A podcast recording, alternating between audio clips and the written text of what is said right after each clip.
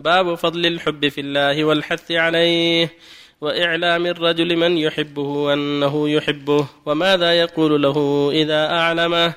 قال الله تعالى محمد رسول الله والذين معه وشداء على الكفار رحماء بينهم والذين تبوأوا الدار والإيمان من قبلهم يحبون من هاجر إليهم وعن أنس رضي الله عنه عن النبي صلى الله عليه وسلم قال ثلاث من كن فيه وجد بهن حلاوة الإيمان أن يكون الله ورسوله أحب إليه مما سواهما وأن يحب المرء لا يحبه إلا لله وأن يكره أن يعود في الكفر بعد أن أنقذه الله منه كما يكره أن يقذف في النار. متفق عليه. وعن أبي هريرة رضي الله عنه عن النبي صلى الله عليه وسلم قال سبعة يظلهم الله في ظله يوم لا ظل إلا ظله إمام عادل وشاب نشأ في عبادة الله عز وجل ورجل قلبه معلق بالمساجد ورجلان تحابا في الله اجتمعا عليه وتفرقا عليه. ورجل دعت امرأة ذات حسن وجمال فقال إني يخاف الله. ورجل تصدق بصدقة فأخفاها حتى لا تعلم شماله ما تنفق يمينه. ورجل ذكر الله خاليا ففاضت عيناه. متفق عليه. وعنه رضي الله عنه قال قال رسول الله صلى الله عليه وسلم إن الله تعالى يقول يوم القيامة أين المتحابون بجلالي؟ اليوم أظلهم في ظلي يوم لا ظل إلا ظلي. رواه مسلم. وعنه رضي الله عنه قال قال رسول الله صلى الله عليه وسلم والذي نفسي بيده لا تدخلوا الجنة حتى تؤمنوا ولا تؤمنوا حتى تحابوا. أولا أدلكم على شيء إذا فعلتموه تحاببتم؟ أفشوا السلام بينكم. رواه مسلم. بسم الله الرحمن الرحيم. الحمد لله. وصلى الله وسلم على رسول الله وعلى آله وأصحابه. أما بعد هذه الآيات والأحاديث فيها الحث على الحب في الله.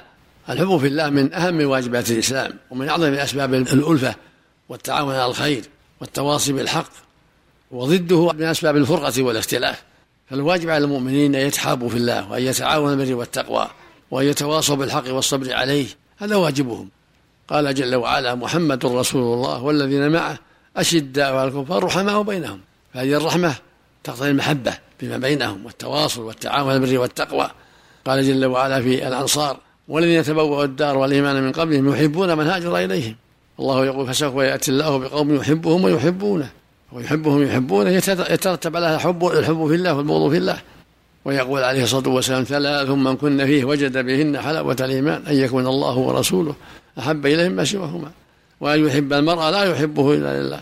وأن يكره أن يعود بعد اذا انقذه الله منه كما يكره أن يقذف في النار. ويقول الله يوم القيامة أين المتحابون بجلالي؟ اليوم أظلهم في ظلي يوم لا ظل إلا ظلي.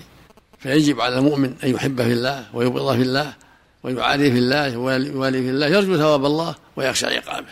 هكذا المؤمن أينما كان فالحب في الله من أهم واجبات الإيمان ومن أوثق عور الإيمان. والله جل وعلا أوجب على المؤمن أن يتحابوا فيه وأن يتعاونوا بالبر والتقوى كما قال تعالى وتعاونوا على البر والتقوى قال تعالى والعصر إن الإنسان لفي خسر إلا الذين آمنوا وعملوا الصالحات وتواصوا بالحق وتواصوا بالصبر وثبت عنه صلى الله عليه وسلم قال يقول الله جل وعلا وجبت محبتي للمتحابين فيه والمتجالسين فيه والمتبادلين فيه. هذا رواه مالك رحمه الله بإسناد صحيح عن النبي صلى الله عليه وسلم. يقول جل وعلا وجبت محبتي للمتحابين فيه والمتبادلين فيه والمتجالسين فيه والمتزاورين فيه. تزاوركم في الله تجالسكم في الله محبة في الله تعاون البر والتقوى العطاء يكون لله. هكذا المؤمن. هذه المحبة تثبر التعاون على البر والتقوى والأمر بالمعروف. والنهي عن المنكر وعدم التساهل لأن موجب المحبة أن تأمره بالخير وأن تنهى عن الشر وأن تنصح على شهيد أو غاب هذا موجب المحبة. رزق الله الجميع. التوفيق والهداية. نعم. صلى الله عملك الحث عليه. يعني أخبار الناس أنهم يتحابون. صلى الله عملك. كله كيف؟ اي يوصل. يحث إخوانه يتحابون في الله. لا يتنازعون ولا يتباغضون. نعم. أحسن الله. عنك. أحسن الله إليك. قول الله تعالى فلا تخافون وخافون إن كنتم مؤمنين. الخوف هنا الخوف ثلاثة أقسام خوف الواجب والخوف الذي هو العبادة والخوف الطبيعي. الخوف العبادة لا يصلح إلا لله عز وجل. ومن خاف غير الله أن يزيغ قلبه أو أن يصد عن الهدى بأسباب خاصة هذا شرك أكبر. فلا تخشوا الناس واخشوني. أما إذا خاف من أجل شره واتقاه من أجل شره أو خاف لصوص وجعل الأسباب من الحرس وغيره هذا لا بأس به. هذا من باب اتخاذ الأسباب فلا يضر. أما إذا كان الخوف يحمله على ترك واجب أو فعل المعصية هذا لا يجوز. كالذي يخاف من القتال يخاف يقتل من غير عذر شرعي. أو لا يأمر بالمعروف يخاف أن يصيب شيء وهو جبن منه ضعف لا معنى سيجيب هذا الشيء. هذا لا يجوز. أما الخوف الطبيعي كون يخاف المؤذيات يخاف الحية يخاف العقرب يتخذ الأسباب يخاف اللصوص فيتخذ الحرس هذا لا بأس به. خوف من الجن. يتعوذ بالله من بكلمات الله التامات يأخذ بالأسباب.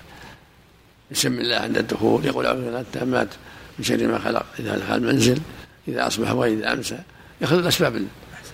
مثل ما يخاف العدو يأخذ الأسباب. يخاف العدو يأخذ الأسباب. أحسن الله إليك يا شيخ. حديث سبع يظلهم الله يوم لا ظله إلى آخره. بالنسبة للرجل دعته عمرة. نعم. بالنسبة للرجل دعته عمرة ذات منصب وجمال.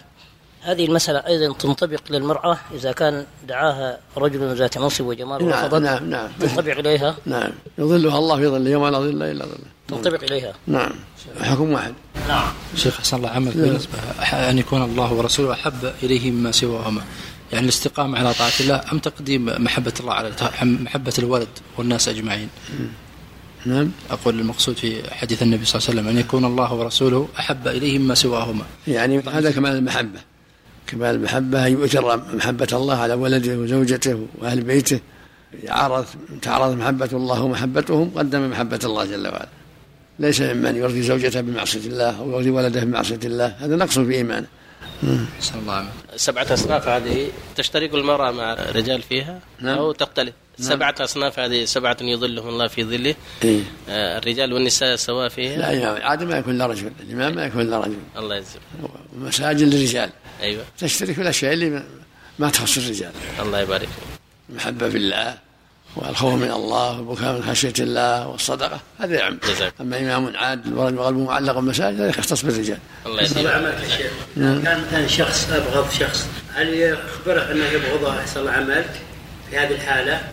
إذا أبغض أبغ- أخبره حتى يستعد لترك الأسباب يقول ترى معاصيك هذه توجب بغضه بالله وأن إخوانك يبغضون في الله. فإذا تبت منها جاءت المحبة كما يحبه بالله نعم. شيخ بارك الله فيك هل من السنة أني أذهب إلى اللي أحبه في الله وأبلغه في بيته؟ نعم نعم. أو في أي مكان؟ يأتي الحديث. في البيت؟ يأتي. تبلغ أحسن. أحسن الله عليك من صلى خمس ركعات مع الإمام. هم؟ وهو من صلى خمس ركعات مع الإمام. الإمام صلى خمس وهو صلى معه خمس إذا كان ما عنده خبر يتابع عنده. خبر. يتابع الإمام. ولا عليه شيء. ما يعيد صلاة إيه لا ما يعيد. ما دام تابع الإمام ما عليه شيء. والإمام يسجد السهو كان عنده شك وكان ما عنده شك فالعمدة على ما اعتقده. ومن صلى معه عالما يا شيخ إنه خمس. يعني يدري إنه قام لخامسة. جاهل. لا مو بجهل تابع. وراه يقوم أجل ما يقام إلا هو جاهل. له مجال الإنسان جلس ونبه قال سبحان الله سبحان الله. صلاته أحسن ما, ما يمكن يقوم وهو عالم. إلا إنسان جهل أو سهو. العالم لا يقوم. العالم يجلس حتى يسلم الإمام ويسلم معه. ويسجد للسهو معه.